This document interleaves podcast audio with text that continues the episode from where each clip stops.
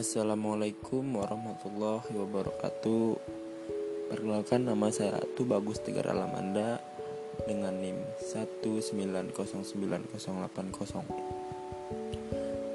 Saya di sini akan menjelaskan atau memberikan pendapat Tentang apa yang sudah dijelaskan oleh kelompok 2 Yang dan pematerinya yang bernama Suci dan Ica. Sebelum kita memasuki segmen atau penjelasan atau pendapat saya, kita panjatkan puji syukur kita terhadap Allah Subhanahu wa taala yang telah memberikan kita nikmat sehat sehingga kita bisa bisa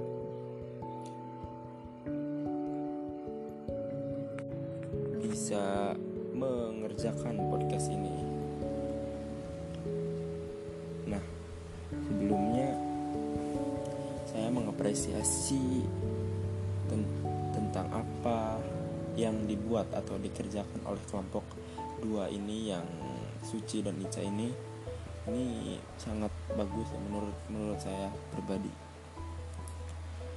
Nah dari segi dari PPT dari PPT kelompok kelompok ini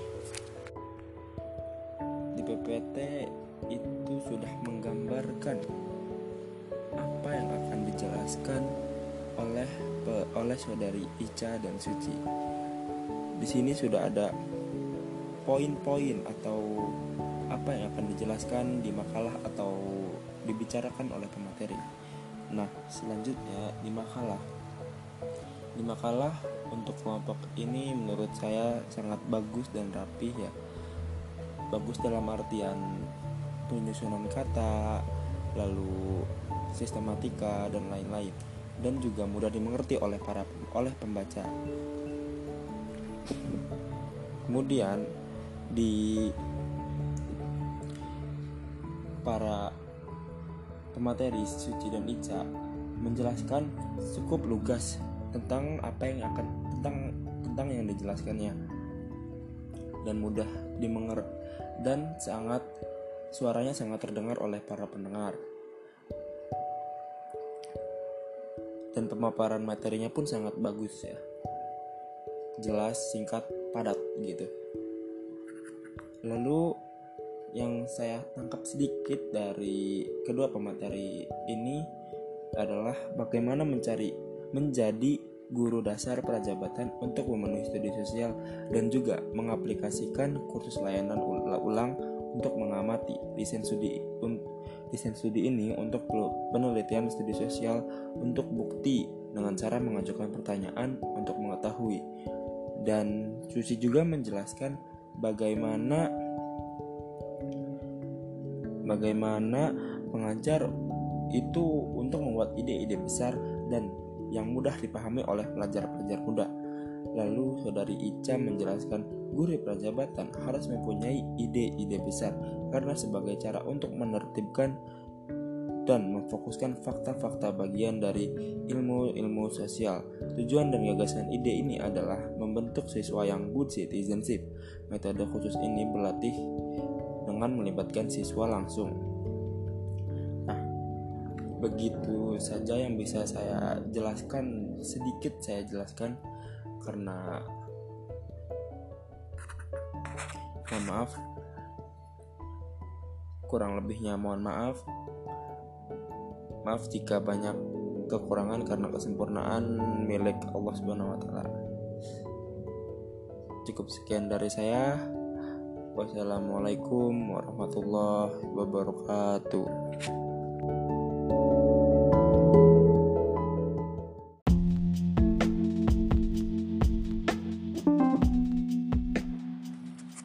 Assalamualaikum warahmatullahi wabarakatuh. Perkenalkan nama saya itu Bagus Lamanda dengan NIM 1909080 Saya di sini akan menjelaskan atau memberikan pendapat tentang apa yang sudah dijelaskan oleh kelompok 6 yang ber bermateri atau bertopik adalah mendukung literasi kewarganegaraan, ide yang mengintegrasi studi sosial dan seni dalam bahasa pengembangan pola pikir global baru. Sebelum masuk ke dalam atau sebelum saya memberikan materi, alangkah baiknya kita panjatkan puji syukur kita terhadap Allah Subhanahu wa taala yang telah memberikan kita nikmat sehat sehingga kita bisa mengerjakan atau memberi ya mengerjakan lah ya tugas podcast ini. Nah, langsung saja pendapat saya pertama saya mengapresiasi tentang apa atau apa yang sudah dikerjakan oleh kelompok tiga eh kelompok kelompok ini karena dari segi PPT sudah merinci apa yang akan dijelaskan oleh kelompok ini sehingga para pembaca atau para yang melihat tahu apa yang akan dijelaskan oleh para pemateri. Lalu dari makalah kelompok ini sudah sangat rapih dan bagus. Bagus dalam artian sistematika atau penyusunan kata dan mudah dipahami oleh pembaca dan lebih merinci lagi daripada PowerPoint. Eh, maksud saya PowerPoint PowerPoint lalu dijelaskan dengan makalah tersebut. Nah, dari dari pendapat saya dari apa yang dijelaskan oleh saudara Ram dan Lutfi yaitu sangat lugas dan jelas, sangat merinci. Apalagi Lutfia yang membawa membawakan suasana dengan suasana ceria seperti itu. Nah,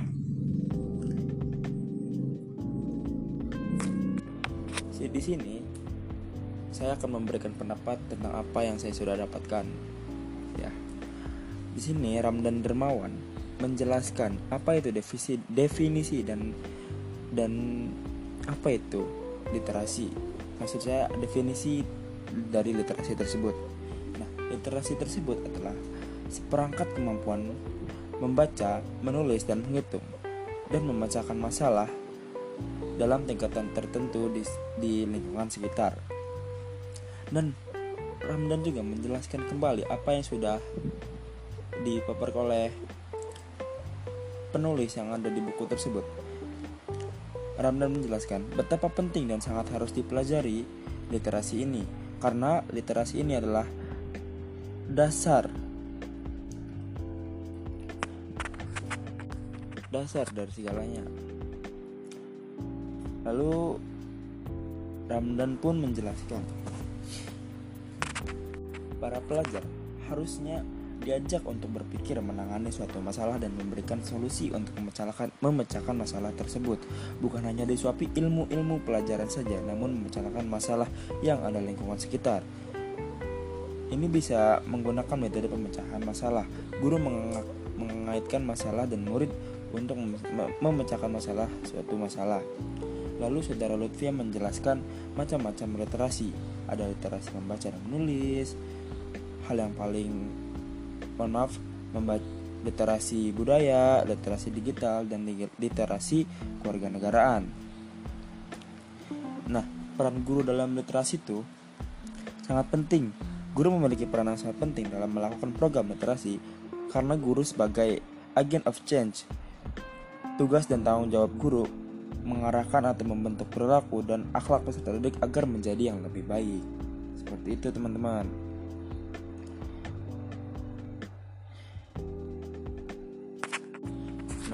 Saya ingin bertanya, bagaimana cara mengubah perilaku seseorang untuk me mau mempelajari literasi tersebut? Nah, cukup sekian dari saya. Wabillahi taufiq walhidayah. Wassalamualaikum warahmatullahi wabarakatuh.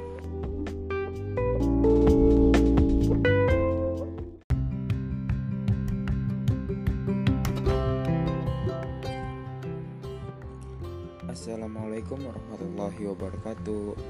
Perkenalkan nama saya Tebagus Tegar Alamanda dengan NIM 190980. PKN 2019A.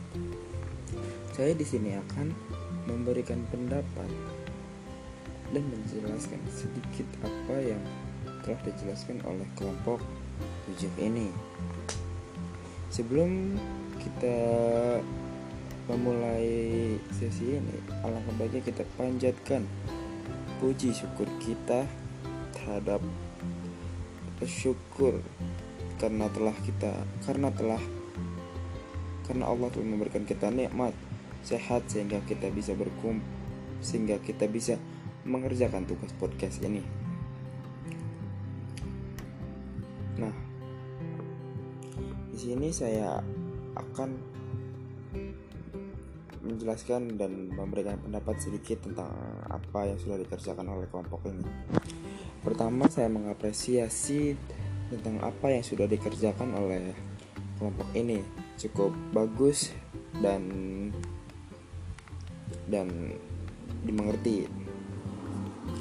Pertama dari PPT dari PPT menurut saya di sini sangat monoton ya dari dari font lalu background dan lain-lain seperti itu tidak menggambarkan tidak mencerminkan sedang berceria gitu, me mengajak para pembaca untuk membaca seperti itu.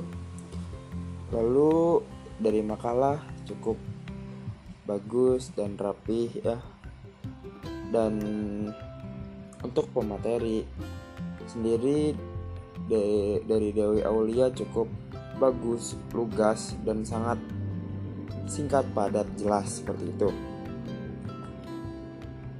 Dan mudah dimengerti.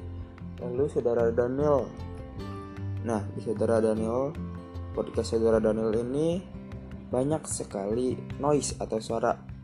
Ya gresek-gresek lah seperti itu. Banyak suara seperti itu atau bocor masuk ke rekaman itu dan itu mungkin bisa diperbaiki lagi nanti. Tetap, tetap akan tapi yang sudah dijelaskan saudara Daniel bagus jelas ya. Nah Dewi menjelaskan apa itu konten pedagogi? Nah, konten pedagogi kata Dewi ya, dibagi menjadi dua, pengetahuan konten dan pengetahuan pedagogik.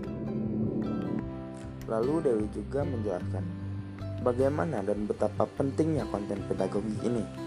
Sedangkan Daniel menjelaskan tentang program studi sosial lama. Dan saya juga ingin bertanya ya, bagaimana cara untuk meningkatkan kualitas pedagogik guru di Indonesia. Cukup sekian dari saya, kurang lebihnya mohon maaf karena kesempurnaan itu hanya milik Allah. Wabillahi taufiq walhidayah. Wassalamualaikum warahmatullahi wabarakatuh.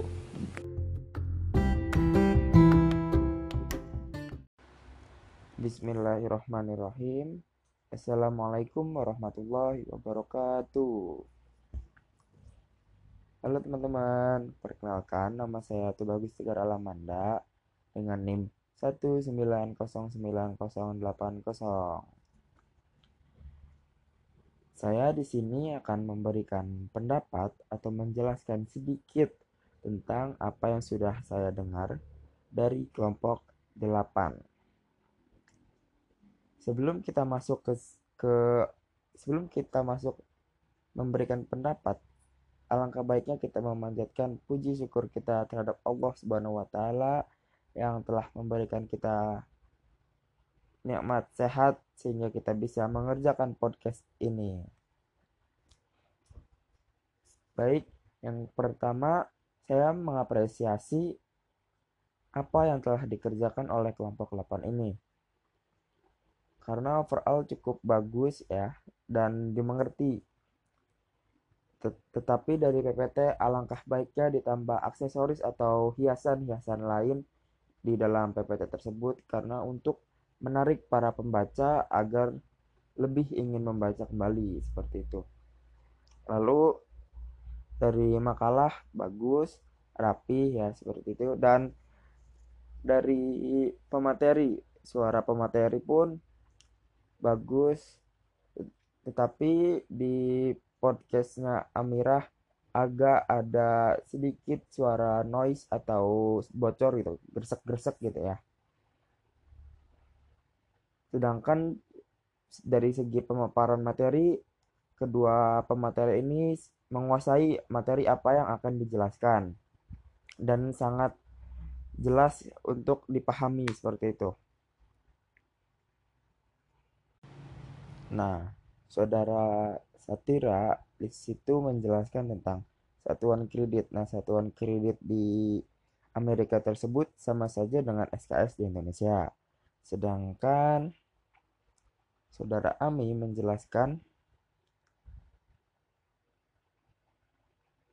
bahwa rubrik proyek yang sama dapat digunakan untuk menginformasikan desain kursus, untuk menyusun evaluasi eksternal, untuk mengadvokasi adopsi kursus berdasarkan kualitas mereka, dan untuk menginformasikan dan memberikan pengembangan profesional untuk instruktur yang akan menawarkan kursus. Nah, mungkin cukup sekian saja dari saya.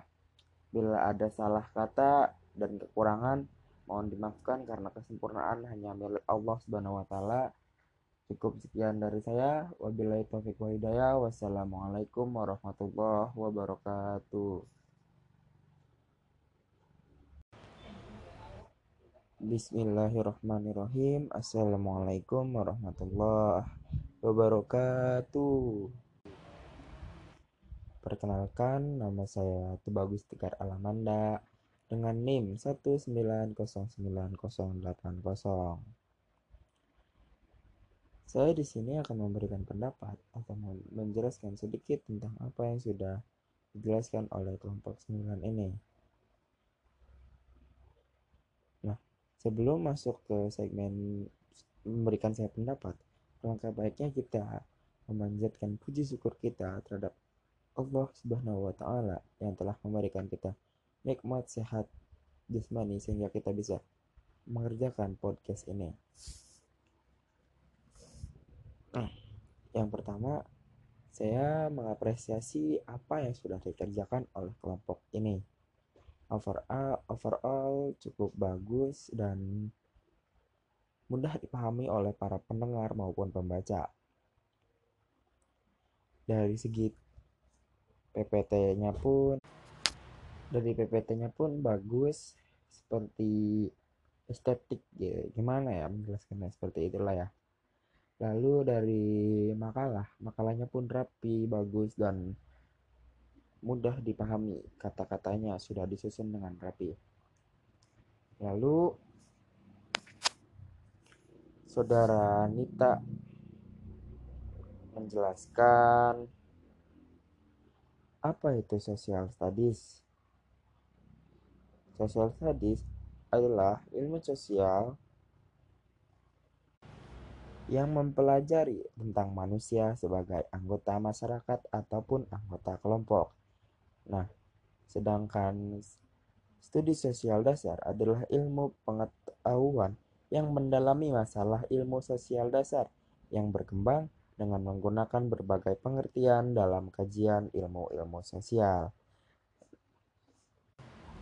Sedangkan saudara didik, saudara diksi membagi tiga fokus seperti itu. Nah, yang pertama saudara Rizky menjelaskan critical thinking skill, keterampilan untuk bisa menemukan gagasan dan mentransformasikan menjadi sebuah gebrakan nyata adalah kunci.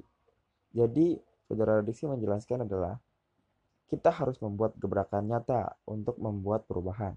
Lalu ada collaboration and komunikasi, kolaborasi dan komunikasi. Masa depan adalah tempat bagi mereka yang mau berkolaborasi dan komunikasi.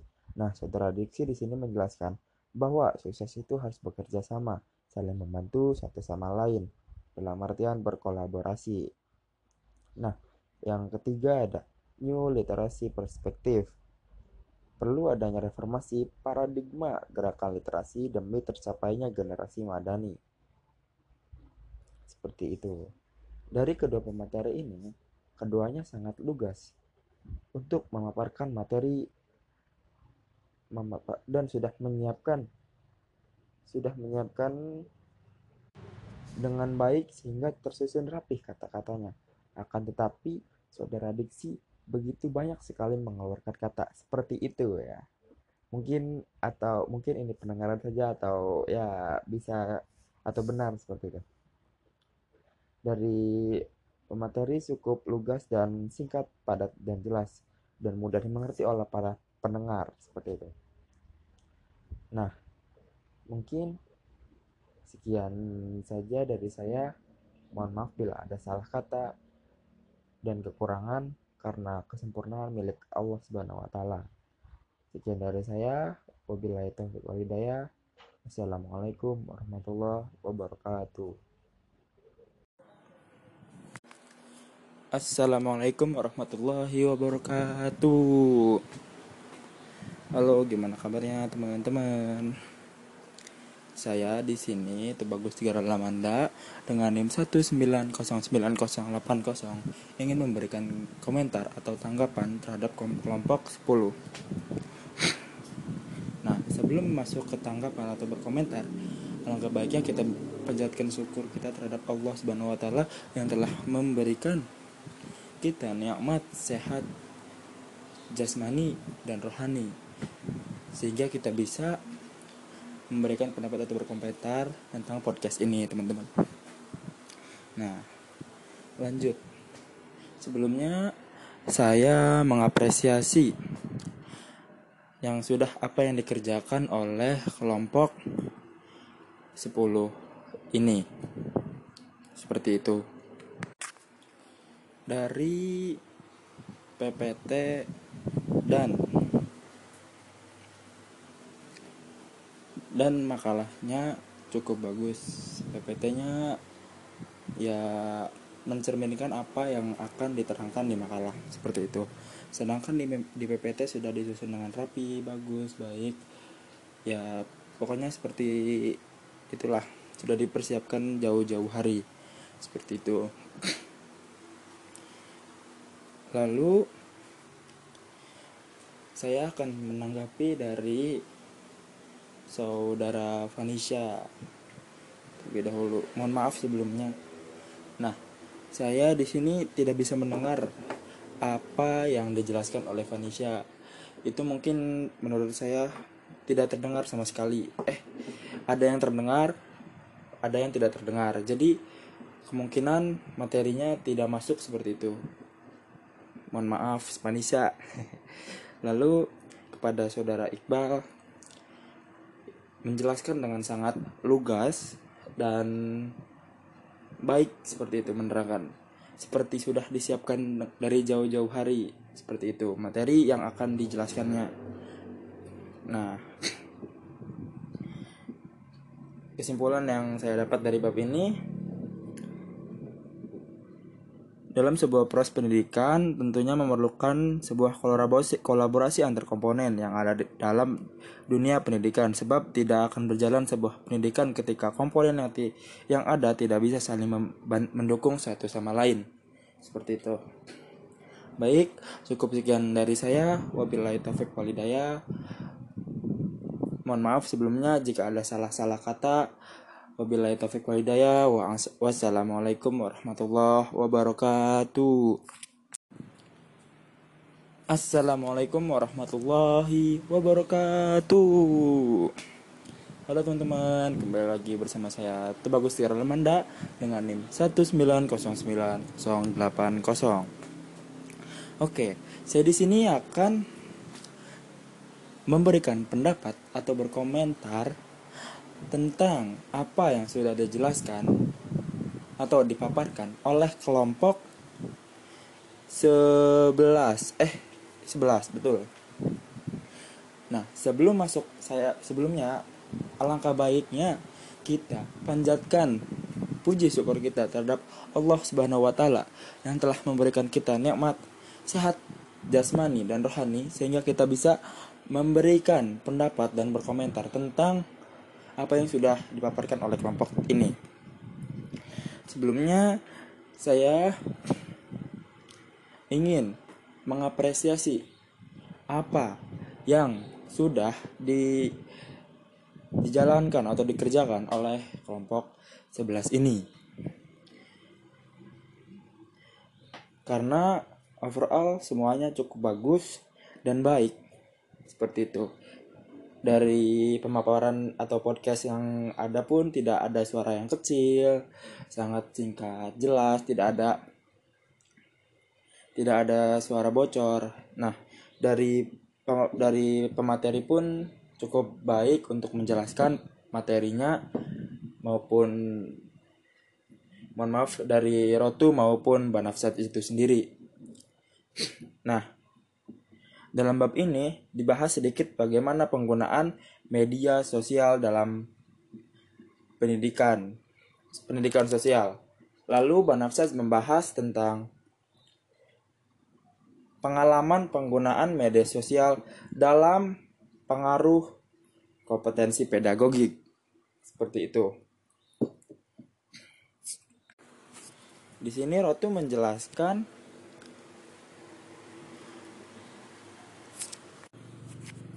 bab 11 ini terdapat kekurangan dan kelebihan. Kekurangan bahasa suk sukar dimengerti dan cover dari buku ini terlalu monoton. Nah, kelebihannya itu isi materi yang lengkap dan terdapat banyak metode mengajar yang jelas. Kemudian yang kedua ada penggunaan teknologi sangatlah diperlukan dalam mengajar di era globalisasi ini. Dan yang terakhir, Kelebihannya ada memberikan juga contoh kegiatan. Nah, seperti itu teman-teman. Mungkin cukup sekian saja dari saya. Mohon maaf bila ada kata-kata yang salah karena kesempurnaan hanya milik Allah Subhanahu wa taala. Cukup sekian dari saya. Wabillahi taufik wal hidayah. Wassalamualaikum warahmatullahi wabarakatuh. Assalamualaikum warahmatullahi wabarakatuh Oke balik lagi bersama saya teman-teman Itu bagus sekali Lamanda dengan NIM 1909080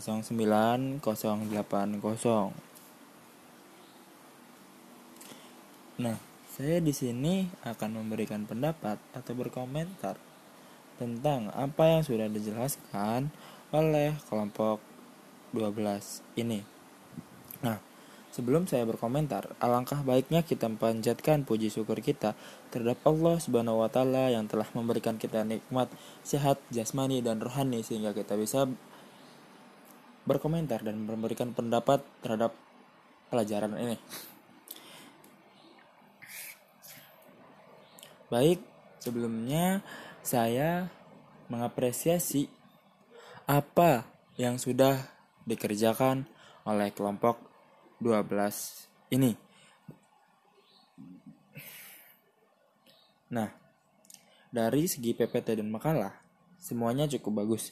Dan di PPT sudah mencerminkan apa yang akan dijelaskan oleh pemateri maupun di makalah dan di podcast.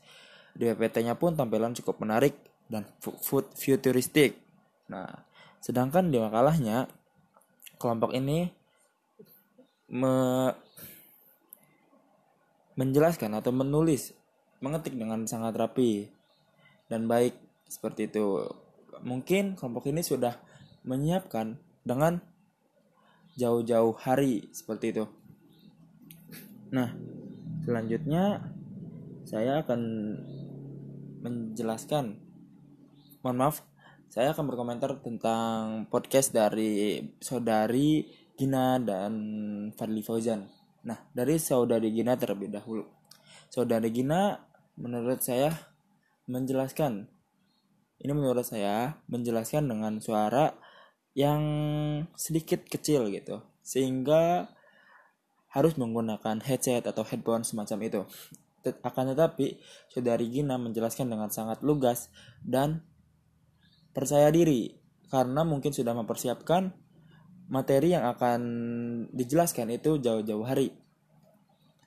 Nah, lanjut ke saudara Fadli. Mohon maaf, saudari Gina menjelaskan menjelaskan kemitraan STHS STHS. Nah, kemitraan STHS sebelumnya mengamati guru senior sebelum bekerja sama dengan STHS dan yang kedua itu menjelaskan peran hubungan STHS, penempatan awal guru studi sosial sebelum bekerja sama dengan STHS. Nah, sedangkan so, so saya akan berkomentar dari podcast saudara Fadli Fauzan. Nah dari Fadli Fauzan sendiri begitu sangat ketika menjelaskan begitu lugas dan sangat tegas seperti layaknya laki-laki seperti itu. Nah saudara saudara Fadli Fauzan menjelaskan tentang dalam kemitraan pasti memiliki banyak sekali konflik yang akan dihadapi oleh kedua belah pihak.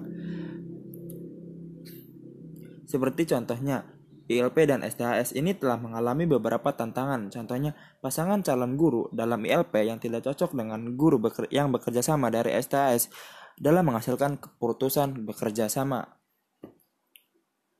Namun bukan hanya tantangan, akan tetapi kemitraan juga menghasilkan timbal balik antara satu sama lain. Seperti itu. Mungkin cukup sekian yang saya tangkap dari materi yang dijelaskan oleh saudari Gina dan saudara Fadli. Mungkin ada salah-salah kata, mohon dimaafkan karena kesempurnaan hanya milik Allah Subhanahu wa taala. Bila taufik wal hidayah. Wassalamualaikum warahmatullahi wabarakatuh. Assalamualaikum warahmatullahi wabarakatuh. Apa kabar teman-teman? Balik lagi bersama saya Tebagus Tegar Alamanda dengan NIM 1909080 dari PKN 2019A. Nah, saya di sini akan berkomentar dan memberikan pendapat tentang apa yang sudah dijelaskan oleh kelompok 2 13 ini. Nah, sebelum berkomentar, alangkah baiknya kita panjatkan puji syukur kita terhadap Allah Subhanahu wa taala yang telah memberikan kita nikmat sehat dan nikmat sehat jasmani dan rohani sehingga kita bisa memberikan pendapat dalam mata pelajaran ini. Oke.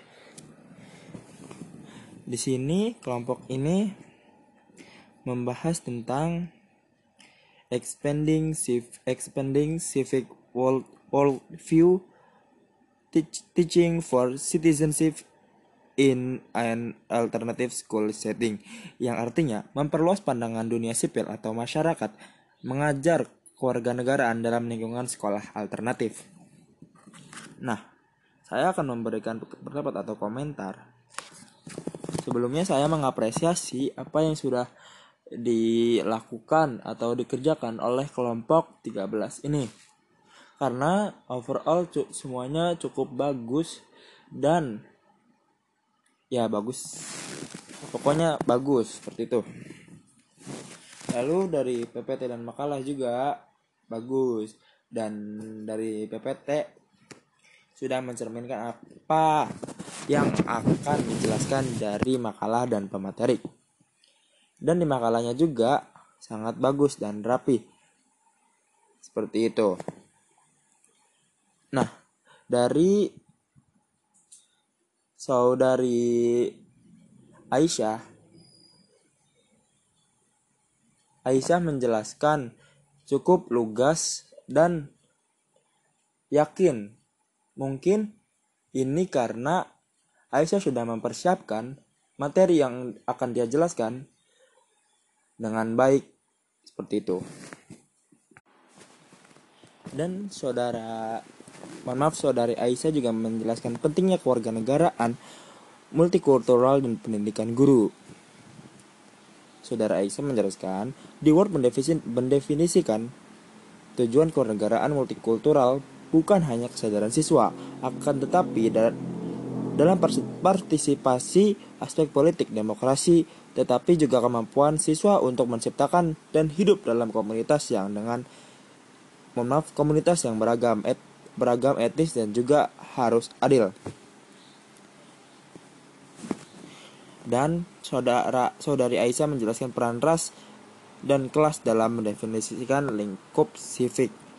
Nah, sedangkan saudari Nandang menjelaskan mohon maaf, saudari Nandang menjelaskan dengan sangat lugas dan tegas seperti layaknya laki-laki. Seperti itu. Nah, dari podcast atau pemateri kita bisa simpulkan kita dapat mengetahui arti dari kewarganegaraan multikultural dan pendidikan guru yang sangat penting untuk dipelajari. Nah, di bab ini juga membahas mengenai peran ras dan kelas dalam mendefinisikan lingkup kewarganegaraan, pentingnya kemitraan atau menjalin kerjasama dengan sekolah yang lebih baik, serta mencoba membuat rencana proyek aksi sipil yang meningkatkan kemampuan siswa. Mungku, mohon maaf, mungkin Cukup sekian dari saya. Kurang lebihnya mohon maaf karena kesempurna kesempurnaan milik Allah Subhanahu wa taala. Cukup sekian dari saya. Wabillahi taufiq wal hidayah. Wassalamualaikum warahmatullahi wabarakatuh. Assalamualaikum warahmatullahi wabarakatuh. Halo teman-teman, perkenalkan nama saya Tubagus Tigar Alamanda dari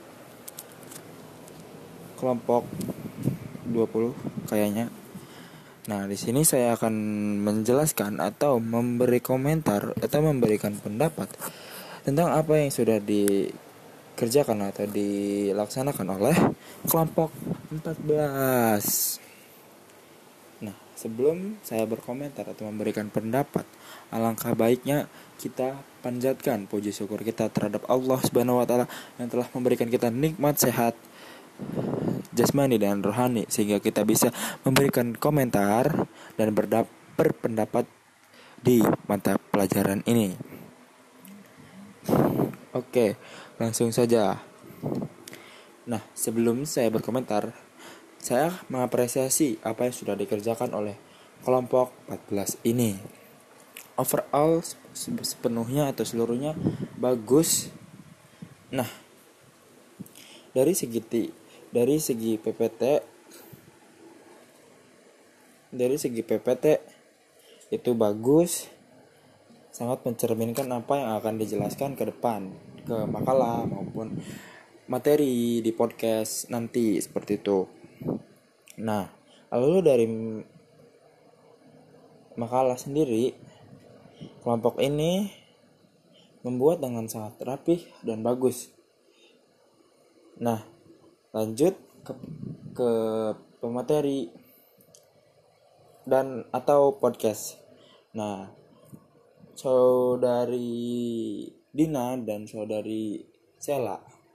Nah, saudari Dina menjelaskan dengan suara yang begitu keras atau lembut lah ya gitu suara cewek lah tahu kan kalian juga suara cewek seperti apa nah lalu saudara Dina ini menjelaskan dengan sangat lugas dan baik seperti itu. Pemaparan materinya pun sangat mudah dimengerti menurut saya.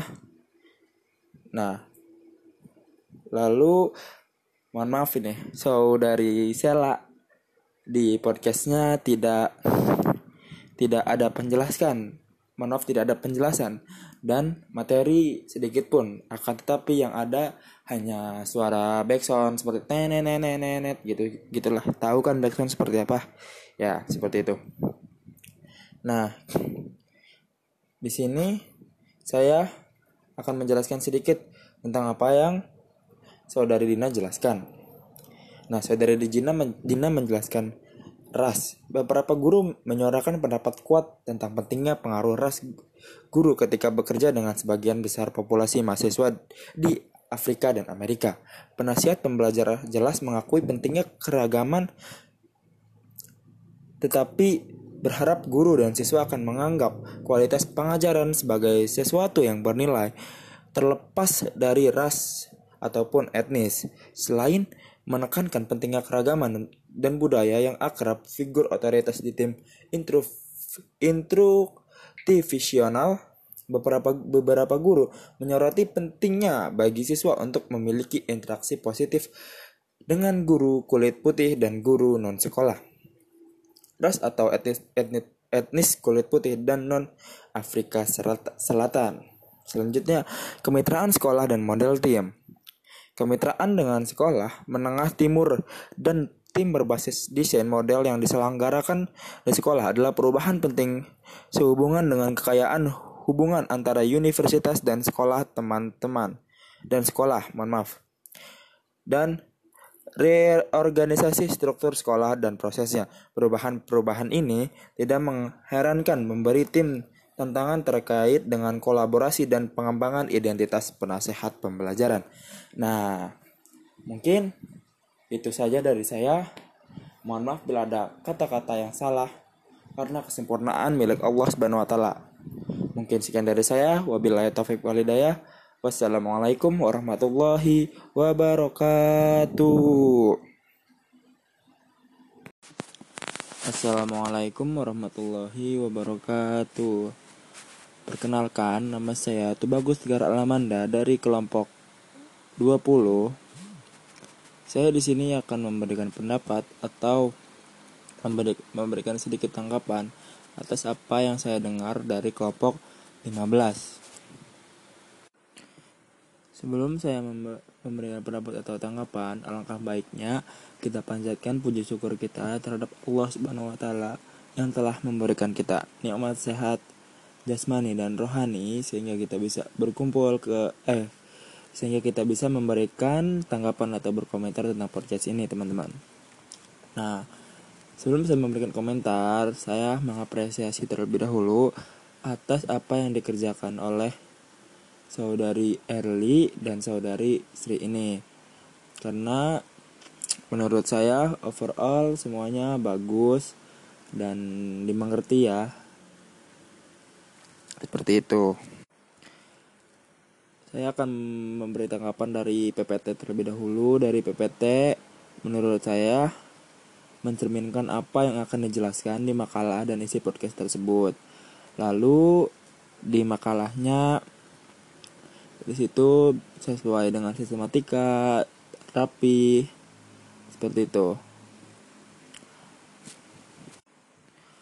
Kemudian saya akan mengomentari sedikit tentang Early. Ya mungkin saudara Early sangat berpartisipasi atas menjelaskan materi ini. Saudara Early menjelaskan sangat lugas dan sangat baik menurut saya. Dan mungkin beliau mungkin Early sudah menyiapkan materi ini dengan di jauh-jauh hari sehingga beliau sehingga Early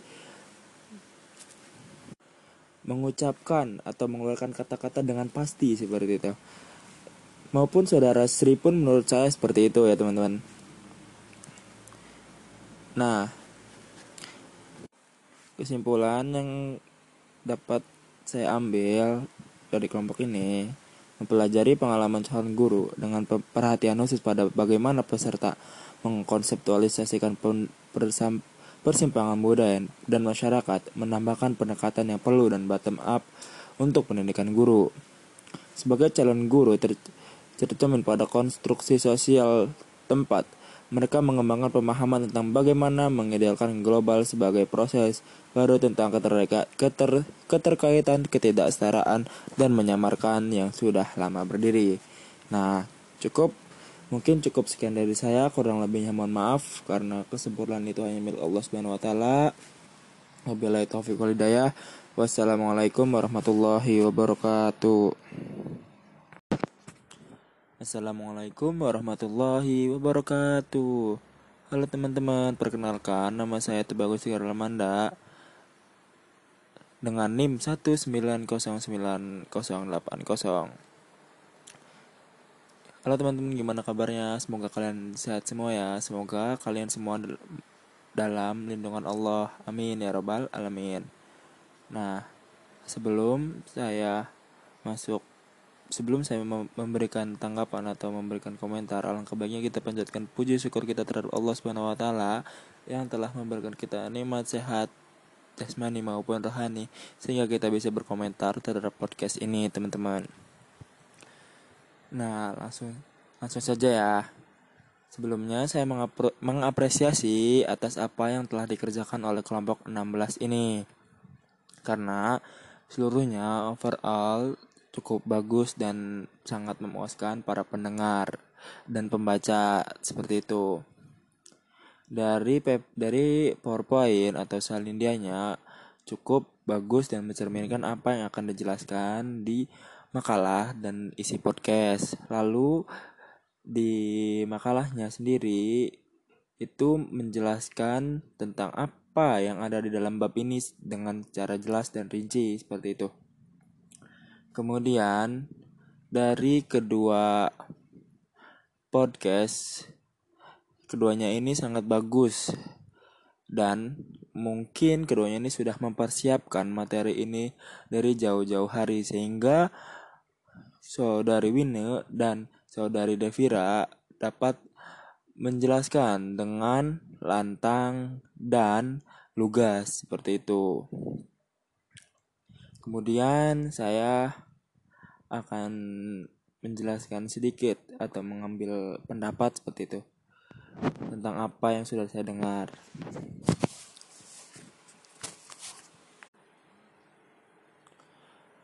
Prajabatan merupakan konsep pendidikan seorang guru untuk dipersiapkan sebagai tenaga kependidikan dan untuk memperoleh pengetahuan, keterampilan, dan sikap yang dibutuhkan sebelum terjun langsung ke dalam dunia pendidikan. Dengan prajabatan, diharapkan guru tidak hanya bergerak statis tapi juga dinamis yaitu selalu berkembang sesuai dengan perkembangan teknologi di zaman sekarang. Nah, dalam bab ini juga Guru prajabatan menggunakan metode fotografi untuk memperoleh pengamatan atau penelitian dengan fotografi.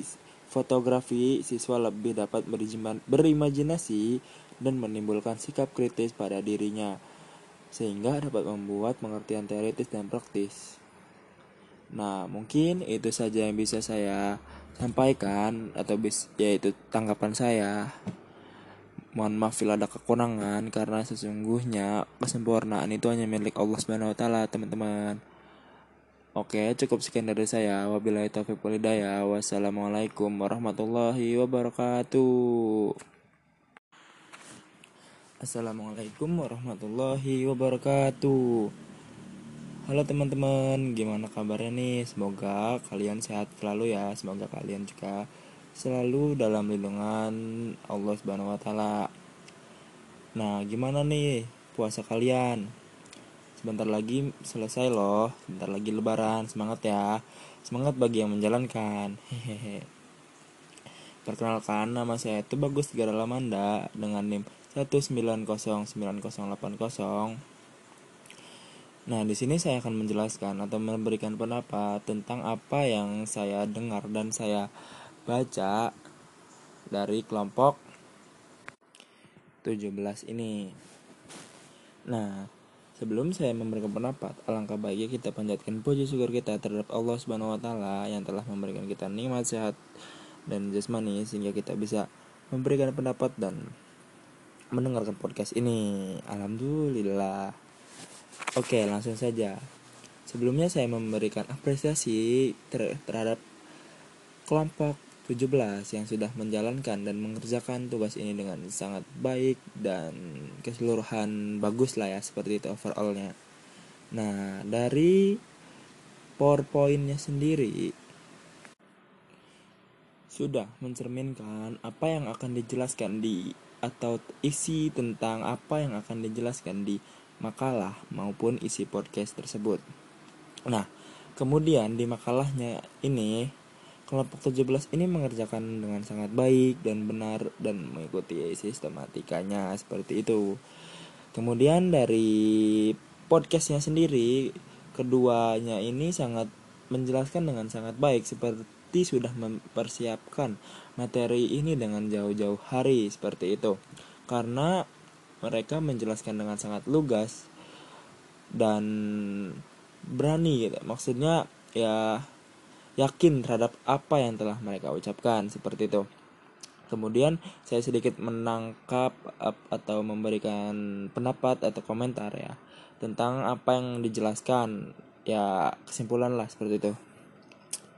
Nah, di bab ini tuh menjelaskan kewarganegaraan ekologis. Kewarganegaraan ekologis itu merupakan pemahaman tentang isu-isu ekologi, hak-hak tanggung jawab warga negara dalam isu lingkungan hidup. Nah, bukan hanya itu, tapi bukan hanya itu juga, keluarga negara ekologis juga mencakup upaya mengatasi masalah lingkungan sekaligus untuk mempromosikan interaksi manusia yang positif dan berkelanjutan dengan lingkungan sekitar. Nah, pada kesimpulan ini Agar menjadi warga negara yang baik, maka kita harus bisa bertanggung jawab dalam mengelola dan melestarikan lingkungan sekitar. Oke, mungkin mungkin cukup sekian dari saya. Kurang lebihnya mohon maaf karena kesempurnaan hanya milik Allah Subhanahu wa taala. Cukup sekian dari saya. Wabillahi taufiq wal. Wassalamualaikum warahmatullahi wabarakatuh. Assalamualaikum warahmatullahi wabarakatuh. Halo teman-teman, gimana kabarnya nih? Semoga kalian selalu dalam lindungan Allah Subhanahu wa taala ya. Amin. Saya Tubagus Tegar Lamanda dengan NIM 1909080. Di sini saya akan memberikan pendapat atau tanggapan dari atau tanggapan untuk kelompok 18 ini. Nah, sebelumnya saya berterima kasih kepada Jati yang sudah mendoakan kami semua agar terhindar dari mara bahaya atau penyakit-penyakit lainnya. Nah, sebelum saya menjelaskan atau memberikan pendapat alangkah baiknya kita panjatkan syukur terhadap Allah Subhanahu wa yang telah memberikan kita nikmat sehat jasmani maupun rohani sehingga kita bisa mendengarkan podcast atau memberikan pendapat di podcast ini, teman-teman. Nah, langsung saja saya mengapresiasi tentang apa yang sudah dikerjakan oleh kelompok 18 ini dari saudara, saudara Jati dan saudara Rizky. Seperti itu, karena semuanya cukup bagus dan baik ya seperti itu. Dari segi powerpointnya juga mencerminkan apa yang akan dijelaskan di makalah dan podcastnya ini seperti itu.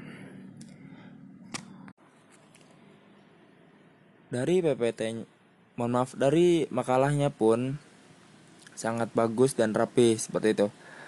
Nah, di kedua podcast ini dari saudari Jati maupun saudari Rizky, mereka berdua menjelaskan dengan dengan secara lugas dan berani, jantan seperti itu ya.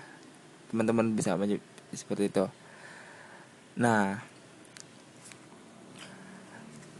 kemudian yang bisa saya simpulkan dari kelompok 18 ini bahwasannya cara mengajar seorang guru IPS itu sangat penting. Pengajaran IPS juga harus berkaitan dengan konsep pemikiran historis oleh sumber-sumber primer sebagai titik masuk untuk mempertimbangkan isu-isu signifikan signifikansi etika kesinambungan perubahan sebab dan konsekuensi dari sejarah ilmu lingkungan Pemeriksaan sumber primer adalah aspek mendasar dari karya sejarah. Selain seorang guru harus terampil dalam mengajar, seorang guru juga harus bisa menjadi sumber motivasi semangat dari semangat untuk peserta didiknya. Seorang guru juga harus selektif dalam pemberian tugas, mandiri maupun kelompok dan harus mampu menerima siswa-siswa yang berbeda karakternya dalam belajar. Nah, mungkin cukup sekian dari saya. Kurang lebihnya mohon maaf karena kesempurnaan milik Allah Subhanahu wa taala. Wassalamualaikum warahmatullahi wabarakatuh. Assalamualaikum warahmatullahi wabarakatuh. Halo teman-teman, gimana kabarnya nih? Semoga kalian selalu dalam lindungan Allah ya. Amin. Terus gimana nih ibadah puasanya? Semoga lancar-lancar aja ya bagi yang menjalankan. Nah, saya Tebagus Tiara Lamanda dengan NIM 1909080.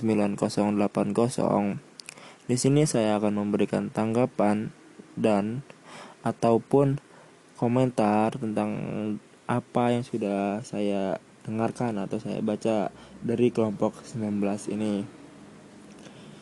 Nah, sebelum memulai atau memasuki saya memberikan materi, eh memberikan komentar, alangkah baiknya kita panjatkan puji syukur kita terhadap Allah Subhanahu wa taala yang telah memberikan kita nikmat sehat jasmani maupun rohani sehingga kita bisa mendengarkan podcast ini dan berkomentar ataupun berkomentar tentang podcast ini, teman-teman. Alhamdulillah. Nah, sebelumnya saya mengapresiasi tentang apa yang sudah dikerjakan oleh kelompok 19 ini dari saudari Anggi dan saudari Nida. keseluruhan karena keseluruhan overall cukup bagus dan baik, mudah dimengerti. Seperti itu.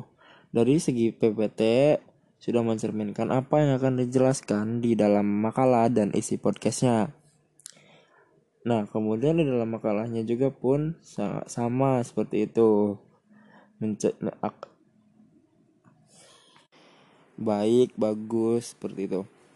Kemudian dari podcast kedua podcast ini kedua-duanya cukup bagus seperti sudah mempersiap mempersiapkan materi ini dari jauh-jauh hari.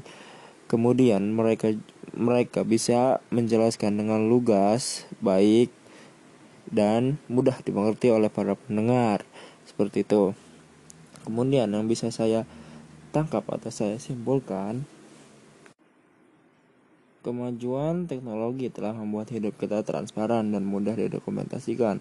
Potret kehidupan kita sangat terlihat melalui platform jejaring sosial dan berbagai alat pengumpulan media media informasi digital yang menarik minat kita, kebiasaan dan perilaku.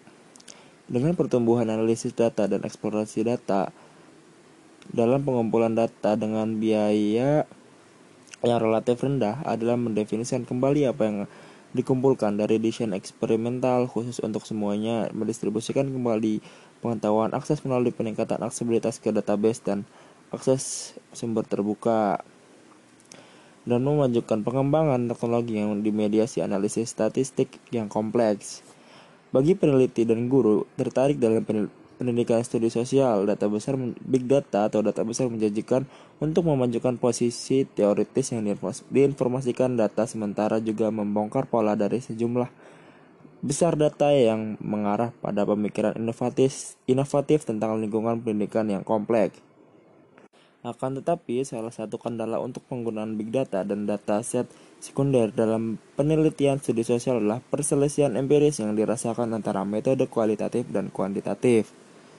Selain itu, big data dan kumpulan data sekunder sering kali tidak dapat diidentifikasi sehingga menghilangkan kontak peserta. Nah, cukup sekian dari saya. Kurang lebihnya mohon maaf. Wabillahi taufiq walidayah. Wassalamualaikum warahmatullahi wabarakatuh. Assalamualaikum warahmatullahi wabarakatuh. Halo teman-teman. Gimana nih kabarnya? Semoga sehat semua ya. Semoga puasanya lancar sampai akhir dan kuat ya. Sebentar lagi lebaran loh. Hehehe. Nah, saya tuh bagus Tira Lamanda dengan NIM 19090 80 di sini saya akan memberikan tanggapan atau memberikan komentar sedikit tentang apa yang sudah saya dengar dan saya baca dari kelompok 19.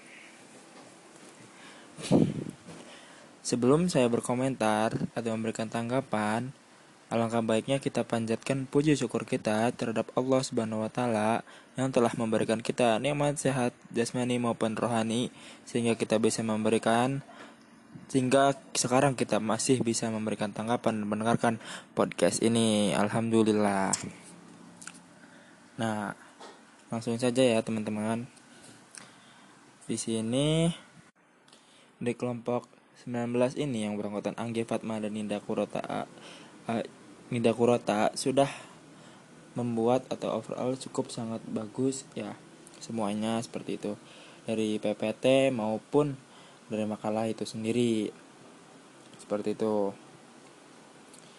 Kemudian di dalam PPT-nya pun sudah mencirikan atau mencerminkan apa yang akan dijelaskan oleh yang apa akan dijelaskan di podcast seperti itu.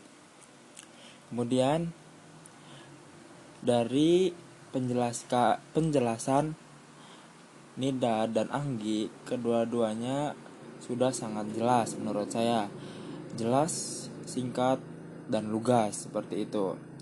Mungkin dikarenakan mereka sudah mempersiapkan materi ini dari jauh-jauh hari sehingga mereka berdua berhasil atau bisa memaparkan materi dengan dengan lugas seperti itu. Nah, kemudian kesimpulan yang dapat atau tangkapan saya sedikit yaitu Kemajuan teknologi telah membuat hidup kita transparan dan mudah didokumentasikan. Potret kehidupan kita sangat terlihat melalui platform, platform jejaring sosial dan berbagai alat pengumpul pengumpulan informasi digital yang menarik minat kita. Kebiasaan dan perilaku dengan pertumbuhan analisis data dan eksplorasi data dalam pengumpulan maaf, maaf analisis data tidak lagi diperuntukkan bagi akademisi Nah, salah satu kendala untuk penggunaan big data dan dataset sekunder dalam penelitian studi sosial adalah perselisihan empiris yang dirasakan antara metode kualitatif dan kuantitatif. Kemudian, big data dan kumpulan data sekunder sering kali tidak dapat diidentifikasi sehingga menghilangkan kontak peserta. Seperti itu. Mungkin cukup sekian dari saya, kurang lebihnya mohon maaf karena kesempurnaan milik Allah Subhanahu wa taala. Wabillahi taufiq walhidayah. Wassalamualaikum warahmatullahi wabarakatuh. Assalamualaikum warahmatullahi wabarakatuh. Halo teman-teman, gimana nih kabarnya? Semoga kalian selalu dalam lindungan Allah Subhanahu wa taala ya. Gimana puasa kalian? Semoga tidak bolong dan kuat sampai akhir karena sebentar lagi lebaran. Nah, perkenalkan nama saya Tubagus Tegara Lamanda dengan NIM 1909080. Di sini saya akan memberikan pendapat atau memberikan sedikit tanggapan tentang apa yang sudah dipaparkan oleh kelompok 20. Mohon maaf 21 yaitu oleh saudara Teddy dan saudari Ajeng, saudari Ajeng. Sebelum saya berkomentar atau memberikan tanggapan, langkah baiknya kita panjatkan puji syukur kita terhadap Allah Subhanahu wa taala yang telah memberikan kita nikmat sehat jasmani maupun rohani sehingga kita bisa berkumpul mohon maaf sehingga kita bisa mendengarkan atau memberikan tanggapan di podcast ini. Alhamdulillah. Nah, kemudian yang saya ingin mohon maaf langsung saja ya yang pertama dari PPT itu cukup bagus. Bagus ya. Dikarenakan di PPT tersebut sudah mencerminkan apa yang akan dijelaskan di dalam isi podcast ini. Eh, isi podcast yang akan dipaparkan seperti itu.